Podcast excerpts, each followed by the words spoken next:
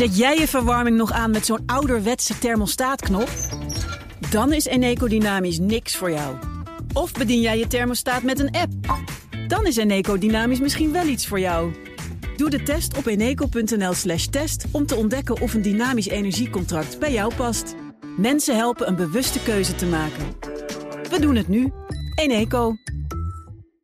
Werkverkenners wordt mede mogelijk gemaakt door NCOI, de opleider van Werken Nederland. BNR Nieuwsradio. Werkverkenners.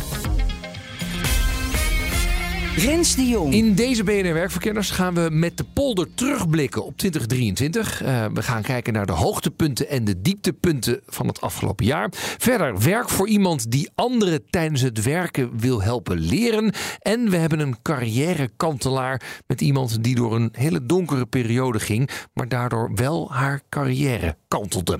Dat hoor je allemaal zometeen in deze prachtige uitzending van BNR Werkverkenners. Maar nu eerst het nieuws. Werkverkenners. Met Nelleke van der Heijden. Dag Nelleke. Dag Rens. Schiphol zit met een stevig personeelstekort. Zozeer zelfs dat het vanzelf gaat krimpen. Vertel. Ja, het zegt dat het het maximum aantal vluchten niet uh, zal halen komend jaar. Mhm. Nou, er is natuurlijk al heel veel gedoe over die krimp. Die was uitgesteld, maar Amsterdam wil dat dan toch weer alweer bestrijden. Maar het probleem lijkt zich nu vanzelf op te lossen door het andere bekende probleem van te weinig mensen. Want ze hebben dus gewoon de mensen niet om alle vluchten veilig te laten landen en vertrekken. Ja, ja, dus Amsterdam wil eigenlijk dat Schiphol veel minder vluchten gaat doen. Schiphol wil eigenlijk nog best wel meer vluchten doen. Maar ze kunnen het niet, want ze missen een groep mensen, begrijp ik. Ja, precies. Wel nog steeds een beetje meer dan Amsterdam zou willen hoor. Maar ze verwachten in 2024 ruimte te hebben voor 483.000 vluchten terwijl ze er 500.000 mogen. En het probleem zit vooral bij de luchtverkeersleiding. Ah, oké. Maar... Ja, want, want De- die, hebben, die hebben gewoon tekort. We hebben, we hebben te weinig luchtverkeersleiders. Maar de baas van Luchtverkeersleiding Nederland die zegt dat er op dit moment wel genoeg luchtverkeersleiders worden opgeleid om het tekort de komende jaren op te lossen. Dus Ja. dan hebben we het krimpprobleem weer terug. Ja, oké. En dan als Amsterdam nou doorzet en zegt we willen nog minder vluchten hebben, hebben we weer luchtverkeersleiders Hebben over. Te veel. Ja. Weer werkloos worden. Over krapte gesproken. De afgelopen maanden zijn er minder werkelozen. Vertel. Ja, de werkloosheid is in november voor de tweede maand op rij afgenomen. Die was sinds april eigenlijk een klein beetje aan het stijgen. Maar in oktober en nu dus ook in november gaat het toch weer een klein beetje omlaag. Met 0,1 procentpunt, Oh. om het helemaal correct te zeggen. Er zijn nu nog 357.000 werklozen, volgens cijfers van het CBS. Ja, dus, dus ruim 350.000 mensen die werkeloos zijn of werkloos zijn geregistreerd. Maar er zijn volgens mij veel meer mensen die niet werken, toch? Ja, dat klopt. 3,6 miljoen mensen in de leeftijd van 15 tot 75 jaar... die hebben geen betaald werk gehad in november. Mhm. Maar behalve die ruim 350.000 werklozen... zochten deze mensen ook helemaal niet naar werk. Nou, wie zijn dat dan? Voor een groot deel gaat het om gepensioneerden. Die zouden misschien wel kunnen gaan werken. Ja, Mooi onderwerp voor een andere uitzending. leuk, ja. En eh, mensen die door ziekte of arbeidsongeschiktheid niet kunnen werken. En aangezien het gaat om mensen vanaf 15 jaar, zou er ook nog wel eens een deel kunnen zijn dat nog studeert. Maar er zijn dus minder werklozen in november. Maar het gekke is, in november waren er wel meer mensen die een WW-uitkering kregen. Daar is zelfs een toename van 3% Maar ja, dat kan ik je helaas niet vertellen waarom dat is. Oké. Dan een, een onderzoek naar hoe werklozen aan een baan komen. En wat blijkt, ze wachten langer af. Vertel. Ja, data-adviesbureau High Intelligence die ziet in de eindejaarscijfers dat werklozen ja, eigenlijk een beetje de vruchten van de krapte plukken. Want ze wachten vaker af tot ze gevonden worden in plaats van dat ze zelf actief gaan zoeken. Nou ja, hoe dat precies zit, kunnen we misschien het beste even vragen aan de baas van Intelligence Group. En dat is Geert-Jan Waasdorp. Geert-Jan, ben je daar? Zeker. Hallo. Ai, hoe zit het nou met die zoekende werklozen? Zijn die echt inderdaad aan het afwachten? Nou ja, ze gebruiken vooral de kanalen waarin ze gevonden worden op het moment dat ze openstaan voor werk. Dus waar je, nou, laten we zeggen, de afgelopen tien jaar vooral zelf op zoek was naar een baan. Hè, als je werkloos was eh, en dan, dan gebruik je eh, vacaturesites, het netwerk. Dus je bent zelf heel actief op zoek naar vacatures. Er zijn er tegenwoordig zoveel vacatures dat, je, dat mensen passiever worden. Oh ja. eh, hun cv uploaden en, en vervolgens gebeld worden door recruiters. Of het uitzendbureau of werving- en selectiebureaus voor ze laten werken. Het is overigens niet zo dat ze niet meer zelf zoeken. Maar je ziet heel duidelijk dat het gedrag wat aan het veranderen is. Dus ja, ze hebben ook de luxe om te wachten en om gevonden te worden. Er zijn gewoon heel weinig werklozen, zoals we net ook hoorden. Ja, ja. En even, werkt deze aanpak dus ook gewoon eh, inderdaad uh, vooral, uh, nou, laat ze maar naar je toe komen in plaats van dat jij heel erg actief uh, overal naartoe gaat lopen rennen? Ja, werkt absoluut. Werkgevers zijn zo naastig op zoek naar mensen dat de, de, meest effectieve strategie die werkgevers er op nu op nahouden is het daadwerkelijk actief benaderen van mensen en dus ook werklozen. Ja, het is ook een beetje zonde, toch? Omdat je, ik weet niet, een actieve, zo ben ik een beetje opgevoed. Uh, joh, actieve houding, ga erop af. Als je denkt dat iets leuk is, oké, ga met die banaan. Dit klinkt een beetje zo van, nou ja, laat ze lekker kom maar, kom maar, doen. Ja, ik ben, ik ben het helemaal met jou eens, uh, Rens. Maar er is één maar. Dat is dat het, de hoeveelheid vacatures zoveel is op dit moment dat het ook overweldigend is. En dat je eigenlijk dan ook niet meer precies weet waar je nou precies moet beginnen. Dus als jij nu op, ik noem maar wat, op Indeed of op LinkedIn of op, op werk.nl gaat zoeken naar vacatures, dan vind je zoveel openstaande vacatures ja, dat het je eigenlijk misschien ook wel benauwd en beklemt. En je zegt, waar, waar moet ik nu beginnen? Ja. En dan is het misschien toch wel makkelijk als je benaderd wordt. En nou, een recruiter, of dat nou een bureau-recruiter is of een corporate recruiter, jou helpt met uiteindelijk die baan vinden die ze natuurlijk op dat moment aan het verkopen zijn. Dus die passiviteit is eigenlijk misschien ook wel een, het gevolg van het ja, overaanbod aan vacatures en vraag van werkgevers. Ja. Dan even nog, de rol van het UWV is ook aan het veranderen, begrijp ik. Nou ja, de rol van het UWV is in, in zoverre aan het veranderen. Wij zien met name, en het verbaast ons dat die rol zo klein is. Maar 30% van, let op, hè, van de actief zoekende werklozen.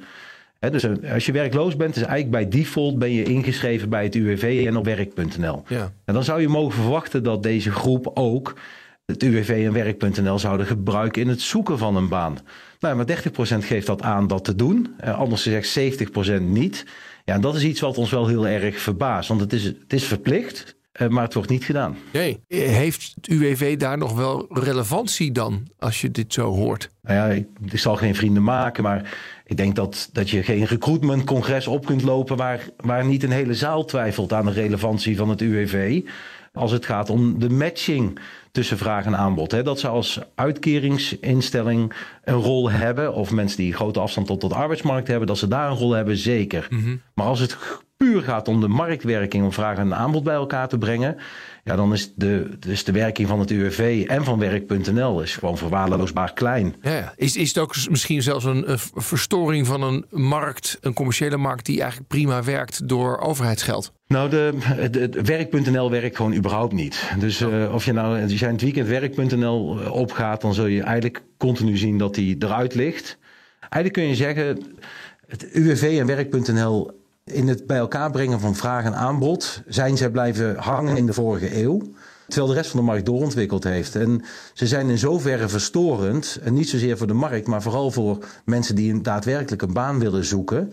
En die het dus niet vinden op het moment dat ze misschien wel willen vertrouwen op een partij als het UWV en werk.nl. Dus er ligt daar een enorme taak en ook een verantwoordelijkheid om eigenlijk te moderniseren. En te zorgen dat, die, dat vraag en aanbod dichter bij elkaar komen. En ja, dat, daar zijn ze voor. Maar die rol pakken ze niet op op dit moment. Dankjewel. Graag gedaan. Rens de Jong. En dan de themavraag van deze uitzending. En die draait om 2023. Wat voor jaar was het voor de arbeidsmarkt? De vakbond vreest dat met de verkiezingsoverwinning van de PVV verschillende groepen worden buitengesloten. Ik zie wel een wat mildere toon. Nou, dat biedt de burger moed. Maar ik ben nog lang niet gerustgesteld. Afgelopen januari keken we vooruit naar 2023 en verwachten deze gasten een onafhankelijke zetel voor zelfstandigen in de Sociaal-Economische Raad, de SER. Ja, ze kregen hem niet. En dat was een teleurstelling voor de zelfstandigen en voor haar persoonlijk. Ik bedoel, het liefst zou ik zeggen: jongens, ik heb het allemaal in huis, dus zie mij. Er waren ook hoogtepunten in 2023, zoals de duidelijkheid waar de uitspraak van de Hoge Raad over de maaltijdbezorgers van Deliveroo voor zorgde. Daar kan je met deze uitspraak van de Hoge Raad toch eigenlijk redelijk goed uit de voet om te zeggen: nou, voor een deel van die werkers moeten we misschien toch tot de conclusie komen dat het gewoon werknemers zijn. Ja, en de echte ondernemende ZZP-ende zorgmedewerker, nou, die kan volgens de Hoge Raad ook prima bestaan. Maar dieptepunten waren dit jaar toch een stuk makkelijker te bedenken. Dat was weer eerder een strijd van wat, wat wordt het echte absolute dieptepunt. Werkverkenners. 2023. Wat heb je waargemaakt en waar kwam niets van terecht? Nou, al mijn gasten van vandaag spraken ook afgelopen januari hun verwachtingen uit voor dit jaar. En daar ga ik ze vandaag op aanspreken. Te beginnen met kroonlid van de SER. Hij is ook hoogleraar en vergeleek toen de minister met een student. Mijn naam is Ruben Houweling. Ik ben hoogleraar arbeidsrecht aan de Erasmus School of Law en kroonlid van de SER. We blikken terug op het afgelopen jaar. In januari vergeleken we de plannen van het kabinet voor de verbouwing van de arbeidsmarkt eh, met, met een scriptie. Ik weet niet of je dat nog weet. Eh, En jij rekende op een voldoende, maar wist ook dat er nog van alles kon gebeuren. Laten we even luisteren naar wat je toen zei. Tussen het concept en het finale stuk. Ja, daar kan heel veel gebeuren. De student kan uitstappen, de student kan creatieve ingeving krijgen... of kan in die creativiteit dingen helemaal verkeerd opschrijven. Nou, de student is uitgestapt. Ja, ja, en dat kan je ook wel gelijk natuurlijk het dieptepunt eh, noemen van, eh, van 2023. Ja. Kwam dit echt op een slecht moment als je kijkt naar de verbouwing van de arbeidsmarkt? Nou, kijk, we moeten eerlijk zijn. De student is als zodanig natuurlijk nog niet uitgestapt. Maar het is wel alsof de student aan het eind van een opleiding zit... waarvan is gezegd, we stoppen met die opleiding. En dat, dat, dat maakt dan natuurlijk het leven van een scriptie wat ingewikkeld. Met andere woorden, ja, de minister eh, heeft een val van een kabinet moeten ervaren... en zit er nog wel...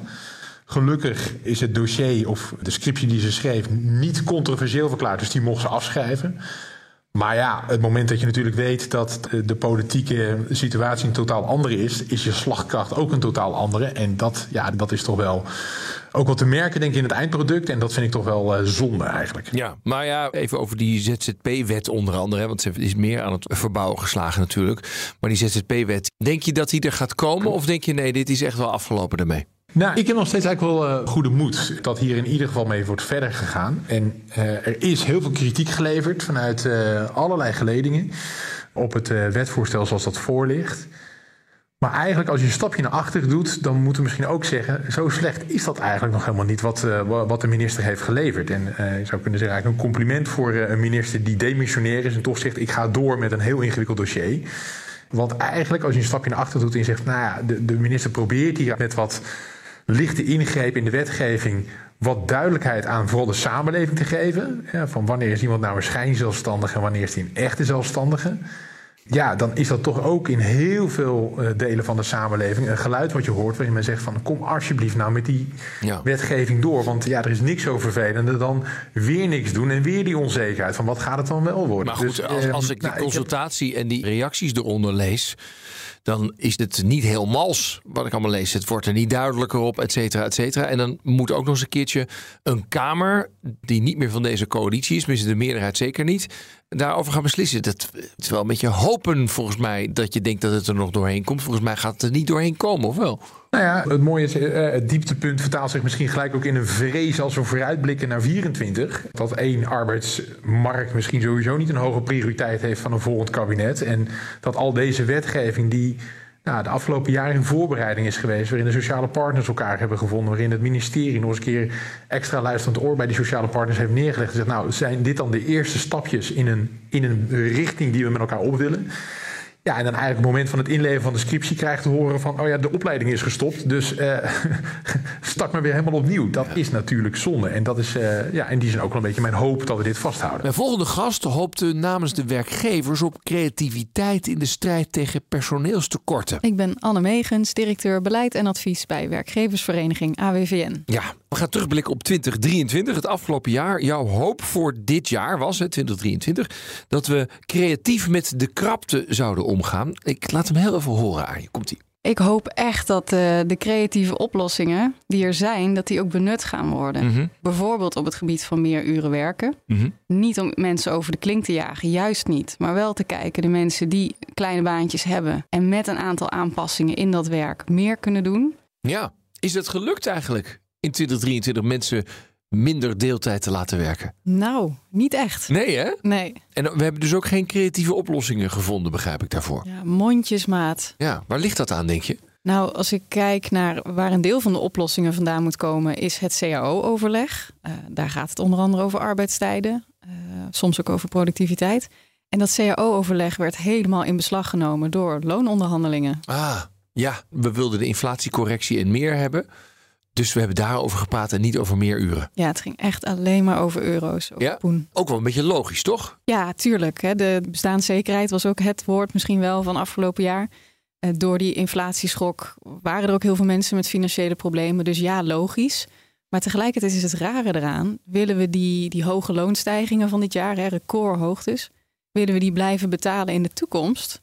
Dan moeten we het juist wel over dit soort onderwerpen hebben. Omdat we, nou waarom eigenlijk? Nou, de afgelopen decennia is onze economische groei, onze welvaart vooral voortgekomen uit meer mensen die zijn gaan werken. Mhm. Nou, daar zitten we aan onze limiet. Er is, we hebben al de hoogste arbeidsdeelname van Europa. Dus we zullen het moeten gaan hebben van productiever werken, meer uren werken, nou misschien langer doorwerken. Ja, en daar, eh, dat gaat niet vanzelf. Daarvoor moeten we echt nieuw eh, beleid uitstippelen. Heb je dan het gevoel van, hey, we hebben nu uh, in heel wat cao's een inhaalslag gemaakt. Maar als we dat niet gaan stutten met ook daadwerkelijk productiviteitsgroei of meer mensen aan het werk, ja, dan houden we dat misschien niet vol. Nou, we hebben een inhaalslag gemaakt. We hebben mensen gecompenseerd voor hun inflatie voor een deel. Uh, maar in heel veel cao's is het verband dat er normaal gesproken wordt gelegd met hun economische situatie helemaal losgelaten. Mm. Het is heel gek. Hè? We houden die cao-cijfers al jaren in de gaten. En je ziet altijd, er is een correlatie met de economische vooruitzichten in het bedrijf of in de sector. Nou, dit jaar dus niet. Nee. De enige voorspellende factor is wanneer is de CAO afgesloten? Met andere woorden, in de ene maand kijkt iedereen naar elkaar en was het 8, 9 procent. En in de volgende maand was het misschien 8 of 7 procent. En dat is best wel een gevaarlijke ontwikkeling. Maar waarom zijn jullie daar dan mee akkoord gegaan? Jullie is. Nou, als AWVN, jullie onderhandelen toch namens, namens de bedrijven. Nou, dus je zegt het is eigenlijk best wel erratic gegaan. Wij adviseren werkgevers bij hun CAO-onderhandelingen. En we hebben ook echt wel hè, veel cijfers bij werkgevers neergelegd. Hè. Kijk uit, pas op. Nou, en werkgevers hebben dat ook geprobeerd. Maar er waren dit jaar ook behoorlijk veel stakingen en actiedreigingen. Het ging er gewoon best wel hard aan toe. En dan heb je werkgevers aan de andere kant die ook echt wel begrijpen dat werknemers gecompenseerd moeten worden of er wat geld bij moeten hebben om hun boodschappen te kunnen betalen. Ja. Ik zag de directeur in de krant zeggen, Raymond Puts, het is genoeg. Volgens mij Telegraaf. Het is Ja. nu wel welletjes met eh, alle loonstijgingen. Ja, ja, zijn oproep is dus: ga vooral weer terug naar die bedrijfseconomische situatie. En in heel veel cao's is er dus ook een flinke loonstijging geweest. Mhm. Daar hebben mensen er echt netto, eh, zijn ze erop vooruit gegaan in koopkracht. Ja, en nu moet je dan wel weer terug naar wat passend is bij je bedrijf of sector. Ja. Want anders prijs je jezelf dus wel de markt uit. En loop je dat risico dat die inflatie alleen maar verder gaat oplopen. En de vakbond was al bang dat Nederland verder verdeeld zou raken. Zakaria Boevengasja, vicevoorzitter van FNV. Gaat hebben over 2023. Ik heb een quote van jou van vorig jaar. Daar komt hij. Ik maak me zorgen als het gaat over toch wel politieke klimaat. En eh, ja, dat, dat versterkt ook wel de, de tegenstellingen in de samenleving. En Ja. ik ben heel benieuwd hoe zo een verkiezing van de provinciale staten eruit gaat zien. Of we niet een nog versplinterd eh, politieke landschap gaan krijgen. Want dan wordt het nog lastiger om goede besluiten te nemen. Ja, dit was eh, vorig jaar. En toen hadden we het nog over de Eerste Kamerverkiezingen, Provinciale Staten. Maar er kwam nog even een kabinetsbreukje eh, achteraan. Nou, en of een eh, vooruitziend blik zou je kunnen Nou, zeggen. en een die, jaar vers- die versplintering en polarisatie hebben we natuurlijk wel gezien. Ja, er is een aardverschuiving geweest als het gaat over eh, ook de recente Tweede Kamerverkiezingen. En inderdaad, dit ging nog over de provinciale statenverkiezingen. Toen natuurlijk ook eh boeren-burgerbewegingen Ja. grootste partij werd. Wat zegt het jou dat we deze verkiezingsuitslag hebben gehad in de Tweede Kamer? Nou, dat in ieder geval heel veel mensen niet de oplossingen zien in het afgelopen kabinet. Mhm. En ik denk ook niet in de traditionele politieke partijen. En hun hoop nu hebben gevestigd op partijen die eh, nieuw zijn of heel lang kritisch zijn geweest op eh, het establishment. En eh, ja, Ga dat- eens een spade dieper, want deze snap ik wel. Dat mensen het gevestigde orde niet leuk vinden en een nieuwe partij proberen. Maar waar, waar zit de onrust echt? ja, dan moet je echt een eh, politieke duider Nee, maar vragen. ik neem aan dat je als Ehm, FNV daar ook wel over nadenkt. Maar als FNV, ik, ik wilde hem even inleiden, Rens. Maar als FNV zien wij al een tijd behoorlijke onrust en onvrede en kritiek vanuit onze achterbannen. Eigenlijk op alles dat over de dingen gaat waar zij last van hebben. En het begint primair natuurlijk wel bij je de onzekerheid en ook angst voor de toekomst. Kunnen rondkomen. Natuurlijk heeft de inflatie er echt een flinke impact op gehad. Op die onvrede en die zorgen. En vervolgens, ja, dat is wel natuurlijk wat, wat de geschiedenis leert, is op een gegeven moment als je eh, je angsten kunt projecteren op bepaalde aspecten die misschien eh, gevoelsmatig een oorzaak zouden kunnen zijn van het probleem. een zonderbok. Een zonderbok, De migrant, de ja. migrant, de migranten die de huizen bezetten, die migranten die eh, de banen afpakken, waardoor je dit soort populistische beweging kunt krijgen. Dus de, de onvrede en, en de boosheid, die, die zien we dagelijks en dat snap ik heel goed. Ja. We hebben ook niet voor niets afgelopen jaar heel veel acties gevoerd, heel veel stakingen, toch ook wel geënt op eh, onvrede en boosheid. En het gevolg is ook dat je blijkbaar ziet dat heel veel mensen hun stem geven aan partijen die vooral inderdaad wijzen naar andere en zondebokkenpolitiek als uh, middel gebruiken. Ja. En dat is natuurlijk niet iets uh, wat je als vakbond uh, graag ziet. Hebben jullie al een beetje contact met deze nieuwe partijen? Nou, we hebben contacten met de Boerenburgerbeweging, met een nieuw sociaal contract. We hebben de PVV nog niet gesproken. Nee, dat is een beetje gek natuurlijk hè? Dat je de PVV nog niet gesproken hebt? Nou, dat vinden wij niet zo gek. Want wij vinden dat de uh, PVV en de voorman Wilders ten principale, in ieder geval afgelopen nou, tien jaar, heel veel groepen heeft buitengesloten. Ja. Uh, waar onder andere ook onze leden met een migratieachtergrond of met een moslimachtergrond. Ik ben ook een product van ouders met een migratieachtergrond. Ik ben Marokkaans, uh, moslim. Ja, en als je tegen die mensen zegt van je bent toch een tweederangs burger of we hebben liever minder mensen van jouw soort. Maar uiteindelijk zijn zij nu machthebbers geworden, waarschijnlijk. Ons beleid is, hè, daarom even ter toelichting, beleid zeg maar, op die uitingen en op, op, op die politiek hè, tegen het racistische aan heeft ertoe geleid dat als de FNV heeft gezegd, wij geven PVV geen podium. Dat is een partij wat zo ver staat van waar wij als FNV voor staan, van onze grondbeginselen. Alleen nu is een nieuwe dynamiek. Ja. De democratie doet ook zijn werking. Het kan zo zijn dat je op een gegeven moment te maken hebt met een kabinet waar de PVV ook in gaat zitten feite is dat nog steeds er een verkiezingsprogramma ligt van de PVV. Maar probeer je contact. Ik weet het van de werkgevers bijvoorbeeld. Die hebben ook eh, met, bij monden van Hans de Boer heeft, hebben die dat ooit gezegd. Hè? Eh, ga, niet regeren met de PVV. Nou, mhm. Dat is al een tijd geleden. Die moeten nu ook denken: ja, we moeten toch eens eventjes op het eh, deurtje van Geert Wilders gaan kloppen. Ja, of niet. Kijk, in, in die zin, we zijn geen politieke partij. Als vakbond willen we wel politiek impact hebben. Dus als onze belangen niet goed worden behartigd, welke partij dan ook, dan zal uh, die zich tegenover ons vinden. En ja, wij hoeven ook niet op het deurtje van de PVV te, te kloppen. Het is heel helder waar we voor staan. Hè. Bestaanszekerheid is een beetje gegijzeld, maar dat is in essentie waar het om moet gaan. Hè, dat iedereen rond kan komen, dat de welvaart eerlijker wordt verdeeld. Niet ten koste van anderen, dus mm -hmm. absoluut geen zondebokpolitiek. Als dat de politiek is wat het kabinet, een, toekomstig kabinet uh, gaat doen, nou dan willen we daar geen zaken mee doen. Nou, is het een, kabinet wat wel degelijk ook de echte problemen aanpakt en oplost. En uh, ook, ook mensen niet buiten uh, spel zet. Nou, dan uh, gaan we graag daarover mee in gesprek. Dus het begint wel natuurlijk bij een partij als PVV. Waar staan ze voor? Komen ze terug op de uitspraken die ze hebben gedaan? Zijn ze er echt voor iedereen? Nou, dan zijn we altijd bereid om te kijken of we met ze kunnen praten. Maar het hoeft niet per se, want we zijn geen politieke partij. We hoeven geen coalitie te vormen. Nee, maar je bent natuurlijk wel onderdeel van de polder. En de polder probeert invloed uit te oefenen en heeft zelfs ook macht. Dus, dus je zult connectie moeten maken. Ja, maar de polder is breder dan alleen zaken doen met, met een kabinet. De polder begint juist ten principale gewoon decentraal. Het gesprek met werkgevers. Ik denk dat we daar vooral in eerste instantie flink in moeten gaan investeren. Ja. Daar begint denk ik wel ook als het gaat over de verbinding en uh, het midden die richting kan geven. Ja, en als dat niet functioneert, ja, dan, dan heeft ook de, de landelijke polder weinig functie. En daar uh, speelde ook nog wel wat uitdagingen als het gaat over de, de traditionele polder, werkgever en werknemers. Mijn gast namens de zelfstandigen rekende op meer zeggenschap van die zelfstandigen in de polder. Mijn naam is Roos Wouters. Ik ben directeur van de werkvereniging. Het Belangenplatform voor mensen die niet 40 jaar bij een en dezelfde werkgever in dienst zijn. Ja, dat is bijna iedereen toch tegenwoordig? Ja, daarom. Ja. In januari dit jaar dus vroeg ik jou naar jouw hoop voor dit jaar. Luister even mee. De hoop is, gek genoeg, waar ik vroeger wars voor was, dat ik voor mekaar krijg dat er een eigenstandige zetel in de SER komt. Dus onafhankelijk van de werkgevers en de werknemers. Nou, dat is de hoop. Ik hoorde je volgens mij ook nog zeggen, een beetje tegen weten in, toch? Ja. Is het gelukt? Nee, natuurlijk niet. Nee, ik ben bang dat zolang VNO, NCW en FNV samen niet openstaan voor het delen van hun macht, ja. dat dit niet gaat gebeuren. Want uiteindelijk zijn er gewoon een aantal ZZP-zetels benoemd, maar door de gevestigde orde, dus mm. eigenlijk door FNV en VNO-NCW. Door wie worden die dan nu ingevuld? Door partijen waarvan ik denk, zij blijven keurig binnen de lijntjes kleuren. Mm. Dus eigenstandig en onafhankelijk zijn ze niet. Er is wel een kroonlid op het gebied van zelfstandigen toch gekomen. Ja, en ook daarin ben ik dusdanig teleurgesteld dat ik denk, Josette is echt wel vaardig en uh, Fabian Dekker ook. En tegelijkertijd denk ik, er is genoeg kennis, wetenschappelijke kennis bij de kroonleden aanwezig over ZZP, dat ze wat mij betreft wel wat brutaler hadden mogen zijn om ook eens mensen met praktijkkennis te benoemen en die ook gewoon ja, echt in het vak staan. Nou is Josette ook zelf wel ja maar is dit niet gewoon elke keer dan gewoon een, toch de reclameslogan voor Roos Wouters in de SER dan? Of, of zeg je nee, anyone zou goed zijn als het maar praktijkervaring is?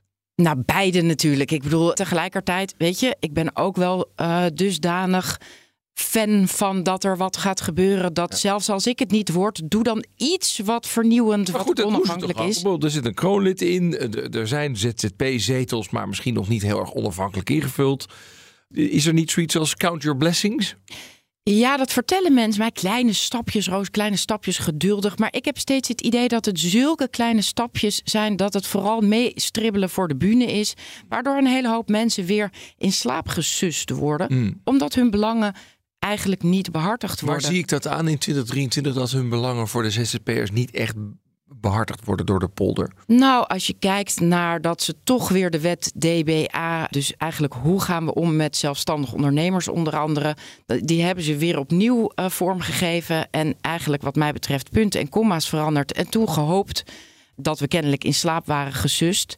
En bij de internetconsultatie gaf eigenlijk iedereen terug: ja, dit gaat niet werken, jongens. Deze wet is nog steeds geen verbetering in vergelijking met de oude. Dit kan op niemands steun rekenen. Ja, iedereen durfde dat nu even te zeggen, omdat het kabinet gevallen was. En dus was het weer ieder voor zich. Maar het CER-MLT-advies, wat de minister toch eigenlijk volgde, daarvan zei de minister ja, en de werkgevers en de werknemers en dus ook de ondernemers zijn het met elkaar eens. Dus ja, zolang je denkt dat de CER eh, gedragen beleid door de samenleving maakt, dan wil je als minister geloven dat je iets fantastisch hebt gemaakt. En jij zegt door, door die ZZP-wet, het wordt nu internetconsultatie gedaan. Daar kan dus iedereen op reageren. Hè? Ja. Zie je opeens van hey, die SER die representeert helemaal niet die zelfstandigen. Want anders had je dit al eerder gehoord. Ja, nou ja, ik denk dat ze het wel eerder hoorden, maar dachten, ja, maar ja, zolang de werkgevers en de werknemers tevreden zijn, hebben we een sociaal akkoord en dat gaan we gewoon uitvoeren, punt. Gaat die nog komen? Want eh, het kabinet is gevallen. Nou, heel veel mensen zeggen waarschijnlijk niet. En tegelijkertijd ben ik inmiddels zo sceptisch geworden dat ik denk, zolang dus FNV en CNV bepalen wat er gebeurt in dit land.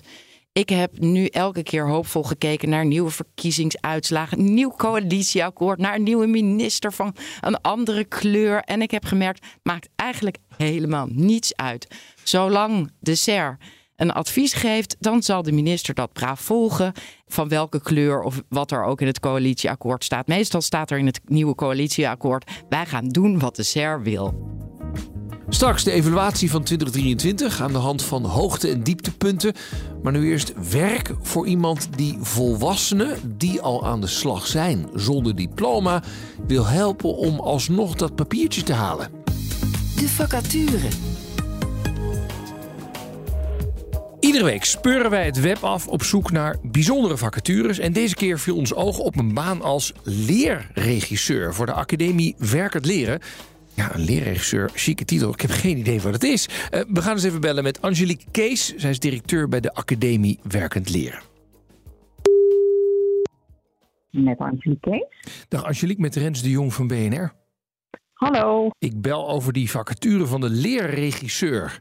Ja, klopt. Nou ken ik wel een televisieregisseur of een filmregisseur, maar een leerregisseur is voor mij een nieuw woord. Ja, mooie naam. Ja, maar wat zit erachter? ja, dat is een eh, onderwijskundige, opleidingskundige eh, die eh, regisseert eigenlijk het leerproces van de kandidaat die al werkend leert. Ja, ja, want jullie zijn de Academie voor Werkend Leren. Hè? Wat, wat is dat precies? Ja, wij eh, zijn een organisatie die begeleiden eh werkende volwassenen. Dat zijn mensen die al jarenlang eh, in een bepaalde baan zitten en daar heel veel kennis en ervaring hebben opgedaan, maar niet altijd het bijhorende eh, diploma hebben. En op basis van hun eh, werkervaring eh, gaan we dat onder begeleiding van de leerregisseur gaan we dat in beeld brengen, Ja, zodat ja. er uiteindelijk naar een diplomering toegewerkt kan Dus je, worden. dus je werkt al ergens eigenlijk ongediplomeerd. Je hebt al heel veel ervaring. En jullie zorgen ervoor, ja, maar dan zorg er dan even voor dat je ook werkelijk dat diploma gaat halen, zeg maar. Ja, Ja. ja. En ja, geef eens ja, wat voor beroepen zijn dat dan meestal? Het is heel veel in de, de zorg. Hè. Er zijn heel veel mensen die bijvoorbeeld wel allemaal verpleegkundigen op MBO-niveau zijn, maar eigenlijk al jarenlang toch ook wel heel veel ervaringen opgedaan hebben met eh, HBO-verpleegkundige activiteiten. Maar dat ja, door wet en regelgeving die ook soms veranderd is in de loop der eh, jaren. Oh, ja. Ik vraag me dan af, als leerregisseur, wat moet je dan zijn? Ben je dan eigenlijk heel specifiek? Weet je wel, dus als je uit de zorg komt, dan kun je le- leerregisseur zorg worden en onderwijs onderwijs. Of moet je meer ja, een onderwijskundige achtergrond hebben? Ja, met name, uh, we zijn in, in, principe zijn we generalisten. Um, dus je moet wel uh, opleidingskundige of onderwijskundige of in ieder geval ervaring hebben echt in het onderwijsveld. Dus weten wat er speelt uh, rondom aantonen van kwalificaties en dergelijke. Maar inhoudelijk hebben wij ook inhoudsdeskundigen. Dus dat zijn echt Ah, mensen die ook in het portfolio meekijken en feedback geven op het inhoudelijke stukje. Ja, goed. Dus jij zoekt een generalist vooral. Hey, ik heb even naar de vacature gekeken. Nou, dit, dit klinkt ook hartstikke leuk. Een van de dingen die ik in de afgelopen jaren werkverkenners heb geleerd is van zet altijd het salaris bij de vacature. Ik zoek er bij Ja. jullie geen salaris. Nee, nee. Waarom heb je dat niet gedaan? Ja, he- heel bewust. Wij vinden de inhoud van onze baan staat centraal. en wij altijd, werken heel. altijd, altijd het argument. En iedere expert zegt altijd: nee, nee, nee. Mensen scannen vooral eventjes van eh, welk salaris. Oh ja, oké, dit, dit past bij mij of niet. Het is zo zonde Ja. als je die mensen dan misloopt, zeg maar. Ja, maar goed, als dat voorop staat, dan vragen wij ons af van heb je dan, eh, wil je dan ook wel bij onze partij horen? Staat de inhoud van ons werk dan centraal? En dat, Maar, mensen, en maar, maar, maar, maar dit kan toch allebei bestaan? Je kunt toch aan de ene kant denken: ik wil wel voldoende geld hebben om mijn hypotheek kunnen betalen. En het lijkt me leuk om bij hun te werken. Ja, maar goed, dat komt dan, eh, dat zit in het stukje goed werkgeverschap, wat we daar, waar we dan daarna altijd uitkomen. Goed. Ehm, veel succes met het zoeken naar de eh, juiste kandidaat. Ja, dankjewel. Ja, dankjewel. De academie eh, Werkend Leren, dankjewel. Ja, dankjewel. Tot ziens. Rens de Jong. Mooie toezegging toch, hè? dat je er qua salaris altijd uit gaat komen. Terug naar het themagedeelte van deze uitzending. En dat draait om een terugblik en een evaluatie van het afgelopen jaar. Wat waren de hoogte en wat waren de dieptepunten voor de arbeidsmarkt volgens de polder? Eerst Ruben Houweling. Hij is kroonlid van de SER en hoogleraar arbeidsrecht. Ja, hoogtepunt van 2023 moet ik denk ik toch wel geven aan de rechtspraak. En dan meer in het bijzonder aan de Hoge Raad, die in 2023 toch wel heeft laten zien van als alles in, passen blijft. Laat ik dan in ieder geval op een aantal belangrijke dossiers eh, in- op de arbeidsmarkt het voortouw nemen. En dan is dat voortouw voor de Hoge Raad toch wel Deliveroo geweest in maart 2023. En waarom? Nou, en Deliveroo hè, ging eigenlijk over die ZZP-wetgeving. En eigenlijk geeft de Hoge Raad in het eh, Deliveroo-arrest, wat ging over die maaltijdbezorgers, eigenlijk een heel mooi, noem het een soort checklist aan uitspraak. Waarin de samenleving krijgt voorgespiegeld hoe moet je nou arbeidsrelaties beoordelen. Of het een arbeidsovereenkomst is of een zelfstandige. En het mooie daarin is, is dat de Hoge er eigenlijk een palet neerlegt. wat we heel goed kunnen gebruiken, ook als die ZZP-wetgeving uiteindelijk niet doorgaat. Want in zekere zin sorteert de Hoge Raad een klein beetje voor op wat de minister uiteindelijk in die internetconsultatiewetgeving heeft opgeschreven. Dus het is een soort heel mooi vangnet van als het allemaal niet doorgaat, dan hebben we in ieder geval dit. En hier kunnen we nu al mee uit de voeten, maar zeker naar de toekomst ook. En dat vind ik toch ja, eigenlijk wel een hoogtepunt van 23 te noemen. Want wat, wat, wat is dan die checklist die de Hoge Raad toen heeft neergelegd? Nou, de Hoge Raad heeft eigenlijk in de casus van die eh, maaltijdbezorgers eigenlijk een, een tiental omstandigheden genoemd waarbij je, waar je rekening mee mag houden bij de beoordeling. En ik ga het niet alle tien langslopen, maar eigenlijk twee die, die vrij dominant daarin terugkeren, die ons ook enorm gaan helpen. Is dat de Hoge Raad zegt, nou, om nou te weten of dat iemand nou een werknemer is of een echte zelfstandige, Kijk dan bijvoorbeeld of dat het werk wat hij doet, dus niet zozeer de persoon zelf, maar of dat het werk wat hij doet, gewoon is ingebed in de organisatie van die werkaanbieder. En eigenlijk zou je kunnen zeggen, als het zij aan zijwerk is, dus als ik als zelfstandige docent naast een gewone docent staat, dan zegt Hoge Raad, nou, dan moet je toch eigenlijk achter je oren gaan krabben en je vraag stellen, kan dit wel echt een zelfstandige zijn? Want hij doet gewoon precies hetzelfde als werknemers in deze organisatie. Nou, dat aan de ene kant. En dan het andere punt waar de Hoge Raad eh, belang aan hecht, die zegt, maar hè, ik erken ook het echte ondernemerschap.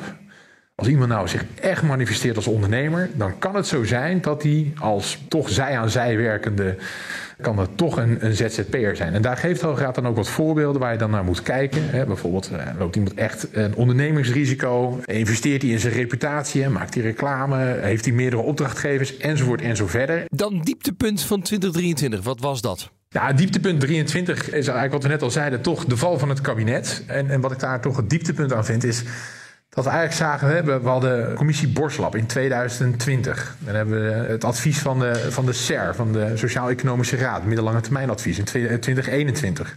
Dan gaat de minister daarmee aan de slag. Hè. En ondertussen krijgen we de WRR nog een keer met rapporten over grip op werk, grip op leven en uh, recent weer grip op bestaanszekerheid. Nou, al die rapporten die komen dan samen in mooie wetvoorstellen van de minister. En natuurlijk, op die wetvoorstellen zelf kan kritiek worden geleverd.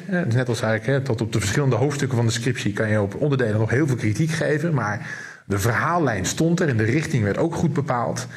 Ja, en dan valt zo'n kabinet en dan valt toch eigenlijk uh, de slagkracht van en zo'n minister en een departement toch een beetje stil. En ja, dan is het alsnog een compliment waard, denk ik, aan, aan de schrijver van zo'n stuk om dan toch maar moedig voorwaarts te gaan.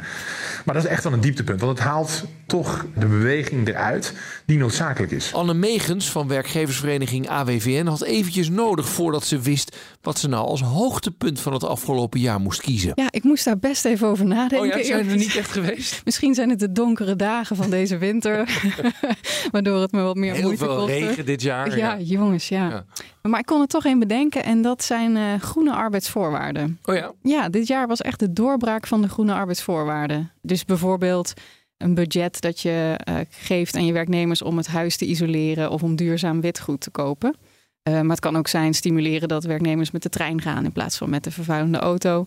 Nou, er zijn allerlei dingen bij te bedenken. En we zien dit echt, ja, dat het best wel een, eh, ja, is doorgebroken. Ja, in- is het echt in de praktijk echt ingevoerd? Geef eens voorbeelden dat je zegt, ja, dat is echt substantieel ingevoerd. Want het verhaal over de groene arbeidsvoorwaarden, nou, daar hebben Nelleke en ik, denk ik, eh, drie, drie jaar geleden al wel een item over gemaakt, zeg maar. Ja, wij zien in onze cijfers dat het echt bij verschillende bedrijven nu wordt toegepast. En dat gaat over best flink wat geld ook. Dus deel van die loonkosten gaat ook echt naar eh, groene arbeidsvoorwaarden. Nou, een bedrijf als Achmea is bekend. Hè? Dat is echt een flink budget wat daar beschikbaar is gesteld. Maar we zien het ook bij kleinere organisaties. Doordat bijvoorbeeld de reiskostenvergoeding is aangepast. Zodanig dat het veel aantrekkelijker is om met de fiets, e-bike of de trein naar het werk te gaan. Ja, en dat zijn, dat zijn echt wel substantiële veranderingen. Als je dat in een bedrijf met een paar honderd of een paar duizend medewerkers doet, ja, dan eh, zorg je niet alleen voor verduurzaming, maar ook minder files. Dus nou, hartstikke goed nieuws, denk ik. Ja. En ik vind het heel mooi om te zien dat deze voorwaarden wel stand kon houden te midden van het geweld rondom die loononderhandelingen. Ja. Eh, Is dit ook echt een verdienste van de werkgevers of wilden de werknemers dit ook graag? Ja, het is makkelijk om jezelf op de borst te kloppen, maar ik denk toch echt dat dit meer op initiatief van werkgevers is geweest, eh, die die verduurzaming in de rest van hun organisatie vaak ook aan het toepassen zijn en daarmee bezig zijn. En dat dus graag ook doortrekken in hun HR-beleid. Maar er was wel een hele belangrijke trigger voor werknemers de afgelopen twee jaar. Want bijvoorbeeld dat isoleren van woningen, ja, je kan wel steeds vragen om hogere lonen, maar het is uiteindelijk effectiever om je huis gewoon te isoleren en daarmee structureel je energiekosten naar beneden te halen. En dat hebben werknemers en vakbonden dus ook gezien. Oké, dat is misschien inderdaad wel een slimmere investering dan 50 euro per maand erbij. Even over 2023. Jij zei, ik vind het wel moeilijk om een hoogtepunt te zoeken. Is dat dan meer een jaar van dieptepunten voor jou? Ja. Ja? Ja, ja, dat vond ik veel minder moeilijk. Vertel. Ja, we hadden het al over cao-onderhandelingen en die, die hyperfocus op loon. Nou, dat vind ik ook echt wel een dieptepunt als je kijkt naar wat er allemaal nodig is in onze arbeidsmarkt. Maar ook het vallen van het kabinet natuurlijk. Ja. En het politieke landschap. Dat Raakt dat hebben. inderdaad de arbeidsmarkt? Want we waren druk midden in de verbouwing van de arbeidsmarkt. Karin van Gennep was daar druk mee bezig als minister van Sociale Zaken. Duwde nog wel net even allerlei brieven voor de zomer naar, naar de Kamer. Zo van, nou, dan staat het maar alvast. Is het inderdaad echt, eh, nou is bij een verbouwing, de verbouwing is wel gestart, maar de aannemer is failliet gegaan. Dus we kunnen weer helemaal opnieuw beginnen. Nou, dat hoop ik dus niet. Maar zoals het er nu voor staat, staat er wel een Maar het dak zit nog niet op, de, op het huis. Zeg Nee, maar, waar, hè? waar, waar maak je je zorgen? Waar gaat het echt lekker, denk je? Eh, nou, een, eh, als het gaat om bijvoorbeeld flex, is er al behoorlijk wat door de Kamer geloodst. Maar het deel, het vaste contract aantrekkelijker maken, dat is, dat is echt nog verre van klaar. Eh, en ook op het gebied van sociale zekerheid, loondoorbetaling bij ziekte, moet er echt nog wel wat gebeuren. En de vraag is, we zeiden nou zo nadrukkelijk, borstlab en daarna de SER, we moeten dit pakket als een geheel zien. We moeten niet gaan cherrypicken en alleen maar onderdelen invoeren. Ja, met een nieuw kabinet is het wel spannend of dat inderdaad het hele pakket aangenomen wordt. Ja. En wij hebben het hier ook wel eens vaker over gehad. Ik zag dit pakket ook als stap één. Er moet nog veel meer gebeuren in het hervormen van de arbeidsmarkt. Het kan nu weer een hele andere kant Het op kan gaan een totaal andere kant op gaan. En dit is nog alleen maar de arbeidsmarkt. Eh, breek me de bek niet open over de wet eh, toekomst pensioenen. Ja, nou, dan gaan we zelfs nog eh, allerlei dingen terugdraaien misschien wel. Ja, als je afgaat op de verkiezingsprogramma's. Ja, NSC willen een referendabel maken. PVV wil zelfs de pensioenleeftijd naar 65. Ja. Die zijn wel aan het onderhandelen over het nieuw kabinet. Ja. ja, dus vandaar dat ik het best lastig vind om optimistisch te zijn. Want dit zijn eh, nog zelfs nog los van wat je vindt van die wet, Mhm. van het pensioenstelsel. Er zijn enorme transities in gang gezet. Er zijn honderden, duizenden mensen mee bezig in Nederland. Dat kun je nu niet meer terugdraaien zonder dat dat met een enorme hoop ellende en geld gepaard gaat. Na een jaar vol succesvolle stakingen hoefde Zakaria Bouvagasha van vakbond FNV minder lang over het hoogtepunt na te denken. Hoogtepunt is vooral dat we in geslaagd zijn om toch die inflatiecrisis te lijf te gaan. Eind vorig jaar eh, waren de zorgen eh, immens als het ging over die gigantische prijsstijgingen. Natuurlijk ingegeven door die verschrikkelijke oorlog in Oekraïne die nog steeds woedt. Maar dat we toch er goed in zijn geslaagd dat wij echt het verschil hebben gemaakt tussen bestaanszekerheid en bestaansonzekerheid voor mensen. Dat je gewoon hoge loonsstijging hebt. Nou, omdat afgezet ten opzichte van een torenhoge inflatie van 14,3 procent. Dat was het percentage waar we het vorig jaar over hadden. En eh, eigenlijk ook wat hoongelag van nou, dan ga je als vakbond natuurlijk nooit eh, eh, in de buurt komen. En eh, ja, we moeten allemaal wat collectief armer worden. Terwijl de winsten gewoon op peil zijn gebleven. Dat we toch in staat zijn geweest en mensen ook geloof hebben gekregen. eh, dat ze een eerlijke deel eh, eh, konden opeisen. Hè. Dus je ziet dat de lonen fors zijn gestegen. Mhm. Tussen de 8 en 9 procent structureel. Ja. Daarmee is eigenlijk voor heel veel huishoudens eh, die verarming tegengegaan. En dat zie je nu eh, ook, dat toch mensen wat meer vertrouwen krijgen. Er wordt weer wat geld uitgegeven. Nou, Sinterklaas en de kerstperiode zag er goed uit. Als het gaat over de bestedingen. Ja, en dat is toch wel te danken aan de strijd van werknemers eh, die zich organiseren binnen de vakbond. En daar ben ik ontzettend trots op. Ja, ben je niet bang dat je, eh, misschien ik heb wel eens wat werkgevers weer gesproken, die zeggen ja, nu zien we toch wel een deflatie, dus prijzen gaan weer naar beneden. Hè? Wij moeten ook weer wat lagere prijzen gaan rekenen. En ondertussen zijn onze loonkosten enorm omhoog gegaan. Dus we zitten in een soort schaar. Met, wij verdienen nu wat minder als bedrijven, maar ondertussen hebben we nog die loonkosten van inderdaad piekinflatie. Dat Nou, ik- eigenlijk op de lange termijn dat je je staart aan het bijten bent, want er gaan er weer ontslagen komen. Nou, ik, ik, ik kijk er toch anders aan. Het is allereerst een inhaalslag die we aan het maken zijn. Om ervoor te zorgen dat lonen weer op peil komen. Eigenlijk weer op het niveau van voor de oorlog eh, eh, in Oekraïne. En ondertussen zie je ook wel dat de inflatie afneemt. Dus wij volgen de inflatie en we bepalen niet de inflatie. En je ziet ook op plekken waar de eh, inflatieachterstand eh, volledig is ingelopen, hè, zoals bij een IKEA of een gemeente, Ja. dat nu ook als het gaat over eh, de looneis, dat dat dus gematigder kan zijn. Dus ik zeg vooral tegen die werkgevers, zorg ervoor dat die inhaalslag gerepareerd wordt. Dat mensen weer evenveel verdienen als dat ze ooit verdienden.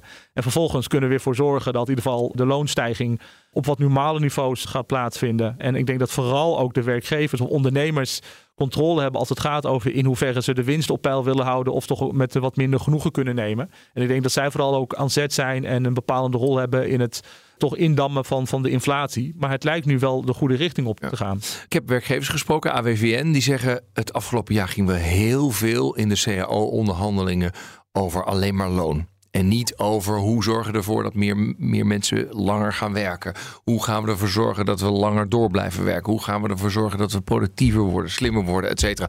Eigenlijk alleen maar korte termijn. Nou, ik, ik ben het met de werkgevers eens dat ik zie aan de CEO-tafel dat ook de werkgevers eigenlijk alleen maar bezig zijn met loondiscussie. En zelf ook vaak een eindbod neerleggen op lonen, voor de rest niet bereid zijn om over inhoud te praten. Terwijl dat nodig is. Eh, het hangt ook wel met elkaar samen. Je, ziet vaak dat sectoren met heel veel krapte toch ook wel achter zijn gebleven als het gaat over het investeren in mensen. Dus ook gewoon beloning. Nou, kijk naar de horeca. Die ziet nu langzaam aan dat die krapte afneemt. Maar tegelijkertijd zeggen dat komt ook omdat we de mensen nu nog wat beter betalen. Dus in die zin moet je ook niet onderschatten hoe belangrijk loon is voor mensen als het gaat over behouden werkplezier en het aantrekkelijk maken van het werk. Maar ik ben het helemaal eens dat we ook echt wel grote uitdagingen hebben. Ja. En hopelijk nu we inderdaad succesvol het afgelopen jaar die inflatieachterstand eh, hebben ingelopen en aan het inlopen zijn, dat we ons nog veel meer kunnen focussen op kwaliteit van werk. Als het Denk je gaat dat dat over... in 2024 meer gaat gebeuren? Dat we iets meer uit die de procent erbij, procent eraf discussie en iets meer over de inhoud van het werk gaan praten in die CAO-onderhandelingen? Ja, nee, ik, ik, hoop het vooral. Ik, ik uh, heb er wel een hard hoofd in, omdat ik uh, toch in de praktijk zie dat werkgevers het erg lastig vinden om uh, concrete afspraken te maken over het verbeteren van de werkdruk, over het verbeteren van de kwaliteit van arbeid. En het toch dan makkelijker is om dan maar een procentje ja. meer te geven, want dan hoef je daar niet over te hebben. Dus ik zie juist bij werkgevers daar een beetje zorg en handelingsverlegenheid om het daarover te hebben. Ja. maar ook bij deze de oproep om vooral juist gezien die krappe arbeidsmarkt, gezien het belang van het aantrekken en behouden van mensen, dat we het erover gaan hebben. Dus ik heb er hard hoofd in, maar ik denk toch uh, dat we aan de stand verplicht zijn om uh, het erover te gaan hebben. En dat ja. werkgevers hopelijk nu ook het belang zien met die krappe arbeidsmarkt om daar werk van te maken. Dieptepunt in 2023. Ja, we zeiden het net al een beetje. Mijn dieptepunt is toch verkiezingsuitslag met betrekking tot de Tweede Kamer. Dus je ziet toch dat politiek van, van, van onvrede, van wijzen naar minderheden, van wegzetten van mensen als waren zij het echte probleem van de problemen die mensen hebben. Mm -hmm. uh, dat dat blijkbaar toch op heel veel steun heeft kunnen rekenen. En dat vind ik wel een dieptepunt als vakbondsman. Ja. Omdat ik, wij als vakbond juist staan voor opkomen voor echte bestaanszekerheid. En, en dat doe je zij aan zij door ook te wijzen naar de echte problemen. En wat mij betreft is dat een, een oneerlijke verdeling van de lusten en de lasten. En het probleem ligt echt niet bij migranten of, of moskeeën.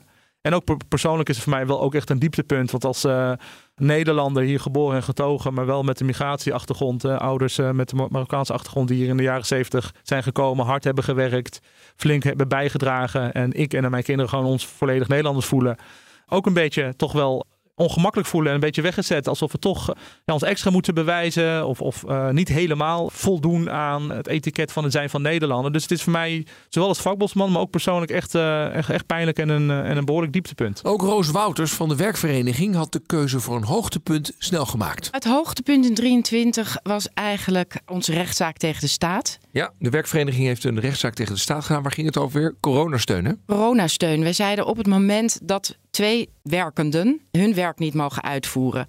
En je zegt dat het geen ondernemersrisico is. Waarom krijgt de ene werkende dan vanuit algemene middelen, dus van ieders belastinggeld, tot drie keer modaal uitgekeerd? En de ZZP'er, waar we ons allemaal zoveel zorgen over maakten, omdat dat de smalste schouders waren die de zwaarste lasten moesten dragen. Waarom ga je die dan terugzetten op een sociaal minimum? Ja. Dus dat vonden wij discriminatie op basis van contractvorm. Terwijl het zijn alle twee mensen die een inkomen hadden. En uh, huur en vaste lasten die ze ineens niet meer konden betalen. De, en de ene helft behandel je zo en de andere helft behandel je anders. Ja, hoe, is dat, uh, hoe is dat uitgelopen? Nou, waar ik dus eigenlijk wel blij van was, was dat 20 november kwam de rechtszaak voor. Daar waren maar liefst drie rechters, dus een meervoudige kamer. Nou, dat betekent al dat ze het spannend vinden. En daarvan zat ook aan de kant van de staat, zat toch de rechtszaal best wel gevuld met allerlei ambtenaren van sociale zaken en werkgelegenheid en EZK. Ja, die hadden zoiets. Oh jeetje, ja. Ik, ik zag ze toch enigszins met samengeknepen ja. billen daar luisteren naar. We hebben nog geen uitspraak, toch? Of wel? We hebben nog geen uitspraak. Ze zeggen dat die 17 januari komt. Dus binnenkort. Ja. Maar het zou ook zomaar weer uitgesteld worden. Want ja, ik had toch het idee dat ze ja, gewoon in, in, toen met bloedspoed en kokend water dingen in elkaar hebben geflanst. En daarna dachten, oké, werkgevers, werknemers zijn weer tevreden. Wat doen moeten we met die ondernemers? Nou, dat weten we eigenlijk niet, die gooien we voor de bus. En dat ze nu toch dachten, hmm, dat was misschien wel risicovol. Ja. Dus ik hoop in elk geval dat ze volgende keer dat er weer zoiets gebeurt, twee keer na zullen denken voordat ze alleen VNO en FNV gelukkig gaan maken. Of hoop je dan dat er ook nog inderdaad die ZZP'ers nog meer gecompenseerd gaan worden? Dat hoop ik natuurlijk zeker. Maar ja. ik ben bang dat dat, ja, weet je, daar durf ik niet eens op te hopen. Nee. Goed, ondanks dat er nog geen uitspraak is, is het wel je hoogtepunt, begrijp ik? Ja. ja. Dieptepunt 2023? Ja, het dieptepunt 2023 is eigenlijk gewoon weer dat uh, de SER en het kabinet, ze durven gewoon het niet aan om de zelfstandigen serieus te nemen, maar ook om naar de wil van de werkenden te luisteren. Dus dat ze gewoon weer verder gaan met die wet DBA. Dat ze zeggen, ja, zo is de wet nou eenmaal, maar niet zeggen, ja, zo willen de mensen nou eenmaal werken. Daar is gewoon geen ja, gehoor aan gegeven. En dan denk ik, ja, jongens. Maar kijk, we moeten hier... toch wel iets, want die DBA, wet DBA zitten we al zeven jaar mee. We moeten er toch wel iets mee, toch? We moeten het helderder maken. Wanneer ben je nou een zelfstandige en wanneer niet? Ja, en, en ze hadden dus kennelijk gedacht. Ik weet ook niet hoe ze dat hebben kunnen denken. Want echt uit alle gremia heeft iedereen die zich er enigszins tegenaan mocht bemoeien aangegeven. Dit biedt niet meer duidelijkheid. Dit biedt niet meer zekerheid vooraf. En toch hebben ze hem gewoon, ja, punten en komma's veranderd. En te weinig veranderd, waardoor, nou ja, eigenlijk vrijwel iedereen zei: dit gaat niet helpen, jongens. Dit is niet de weg die duidelijkheid en zekerheid vooraf gaat bieden. Dus de onzekerheid blijft gewoon. frustrerend proces voor jou. Verschrikkelijk frustrerend, maar echt buitengewoon. Ja. Goed, 2023. Het kende zeker mooie momenten met een uitspraak van de Hoge Raad die een checklist opleverde of iemand werknemer of zelfstandige is. Er loopt een rechtszaak tegen de staat om coronasteun voor ZZP'ers af te dwingen. Groene arbeidsvoorwaarden zijn in opkomst en er waren stevige loonsverhogingen. Maar als ik mijn gasten zo hoor, waren de dieptepunten talrijker en heviger. Zo is de politieke impasse door de val van het kabinet meerdere keren genoemd. De winst voor de PVV die bepaalde groepen uitsluit, wordt als pijnlijk ervaren. En ook de ZZP-wet hoort in het rijtje van dieptepunten. Al is dat voor de een vooral om de wet zelf en voor de andere is de kans dat die niet wordt ingevoerd meer het dieptepunt. Nou ja, ja, het is wat het is. Uh, dan maar vol verwachting naar 2024. De carrièrekantelaar. Laatste onderdeel van deze uitzending en dat is de carrièrekantelaar. Welke dramatische wending heb jij meegemaakt in je carrière? Welk moment zorgde ervoor dat je dacht: ik ga het gewoon eens even helemaal anders doen? En hoe kijk je daar nu op terug? Deze week bel ik met Marieke de Groei, auteur van het grote Depridou-boek. Wat een mooie titel, Marieke. Ja, leuk hè? Ja, en ook heel vrolijk. Het is iets minder leuk. Maar... Nou ja, maar het is wel heel vrolijk gemaakt. 100% handgetekend. Ik heb het hier voor me liggen. Uh, maar het gaat natuurlijk over een, een, een deprimerend onderwerp, namelijk depressiviteit. Ja, het is eigenlijk een handgetekend noodhulpboek. Wat ik eigenlijk voor mezelf gemaakt heb. Ik ben ooit door een hele erge depressie, angst en burn-out mix gegaan. Mm En ik dacht dat het nooit meer beter ging worden. En toen ik wel beter werd, toen dacht ik, ik moet hier een boek over maken. Als dit me ooit weer overkomt, dan wil ik een soort boek hebben, een notebook waar ik weer terug in kan bladeren. Oh ja. En uh, dat heb ik dus gemaakt toen ik me helemaal beter voelde. Ja. Hey, wanneer speelde dit dat je zo depressief was? Nou, eigenlijk in uh, 2015 en 2018. Zo. En het boek heb ik uitgebracht in uh, 2020, toen ik me weer helemaal beter voelde. Ja. En kun je iets vertellen over hoe je je dan voelt op zo'n moment in 2015? Nou ja, het gekke is, um, nou, we hebben het over carrièrekantelaar. Ik was daarvoor gewoon succesvol uh, marketingmanager bij Tony Chocolonely en Unilever. En opeens was ik eigenlijk helemaal niets van me over. Dus oh. ik wist zeker dat het nooit meer goed ging komen. En dat is echt een heel eng gevoel. Wauw. Uh, ik woon op dat moment in Australië. Ik tekende daar voor mijn beroep. Ik had al een carrièrekanteling gemaakt. Uh, en was daar heel succesvol en blij. En toen kon ik op een vakantie opeens eerst uh, één nacht niet meer slapen. En dat werden drie nachten. En dat werd een week en zes weken. En tegen die zes weken was ik alleen nog maar angst en paniek. En ja, ik kon gewoon echt helemaal niks meer. Zo erg dat mijn vader zelfs uh, me is komen ophalen, omdat het echt niet meer ging. Wauw. Oké, en, en, Ja. toen, en toen ben je hulp gaan zoeken, kan ik me zo voorstellen? Ja, toen ben ik zeker hulp gaan zoeken, ja. Ja, er is van alles aan de pas gekomen. Ehm, van een eh, nou ja, noodpsychiater tot alles eigenlijk. Ik heb op een gegeven moment de gedachte die mij gered heeft... is, ik wist zeker dat het nooit meer goed kwam... maar toen dacht ik, wat als er 1% kans is in 10 jaar tijd... dat het wel goed zou kunnen komen? Hmm. Dan wil ik daar alles aan doen. En ik deed het niet eens voor mezelf, maar voor mijn vader en voor mijn man. Ehm, en dat heeft gelukkig wel gewerkt. En eigenlijk nu help ik andere mensen om diezelfde kanteling te kunnen maken. En nou heb je dit boek gemaakt en daar, staat, eh er zijn heel veel tekeningen. Het zijn vooral heel veel tekeningen Ja. en wel wat tekst. Maar het is ook heel veel, ja, hoe zou ik dat zeggen? Eh, slogans, hè? Wat als dit voor je gebeurt? Of nou, wat dan? Schrijf het op, schrijf het van je af. Waarom is het boek geworden wat het is, hoe het is geworden? Ik ben eigenlijk ehm, met terugwerkende kracht, toen ik weer helemaal blij was, ben ik eigenlijk teruggegaan naar wat heb ik nou precies gedaan, wat me hier weer toe geleid heeft. In het boek staat alleen maar wat ik daadwerkelijk zelf heb gedaan. En zo werd het eigenlijk een soort heel ja, handboek eigenlijk. Ja. Hoe je er doorheen kan komen. Ja. Hoe kijk je dan op die depressieve episode in je leven terug? Is dat Mm. dan van afschuw of ook van dankbaarheid? Want ja, anders was dit boek er nooit gekomen natuurlijk. ook al deed het heel veel pijn, ben ik zo dankbaar dat dit eruit voortgekomen is. Ja, het kan allebei bestaan, begrijp ik alweer. Het kan zeker allebei bestaan, ja. En soms, ik denk ook nog belangrijk... ik had toen heel sterk het gevoel... dit is niet de bedoeling. Ik hoor op het strand te wonen, daar te tekenen. Wat is er aan de hand? Dit hoort niet. Ik hoor het niet te hebben. Maar het is heel normaal. 3 miljoen mensen in Nederland zitten in angststoornis. Mm. En nu denk ik, ja, hoe weet ik wat niet de bedoeling is? Want kan het niet de bedoeling zijn dat dit nu zoiets heeft voorgebracht... en dat de Depri Doelboek zoveel mensen mag helpen? Mooi. Het grote Depri doeboek uh, carrière kantelaar was dat voor jou. Marieke de Goeie, dankjewel. Super, dankjewel Rens. Nou, dit was alweer de laatste werkverkenners van 2023. Volgende week dan is het alweer 2024. En dan krijg je een verse. Op dinsdag om drie uur. En natuurlijk op je podcast-app kun je hem ieder moment terugluisteren. Fijne jaarwisseling alvast en graag tot de volgende keer. Dag. Werkverkenners wordt mede mogelijk gemaakt door NCOI. De opleider van Werken Nederland.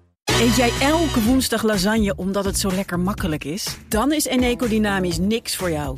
Maar kook jij het liefst elke keer wat anders met het risico dat ze zeggen... Ja, dag, dat gaan we echt niet eten. Dan is Eneco Dynamisch misschien wel iets voor jou. Doe de test op eneco.nl slash test om te ontdekken of een dynamisch energiecontract bij jou past. Mensen helpen een bewuste keuze te maken. We doen het nu. Eneco.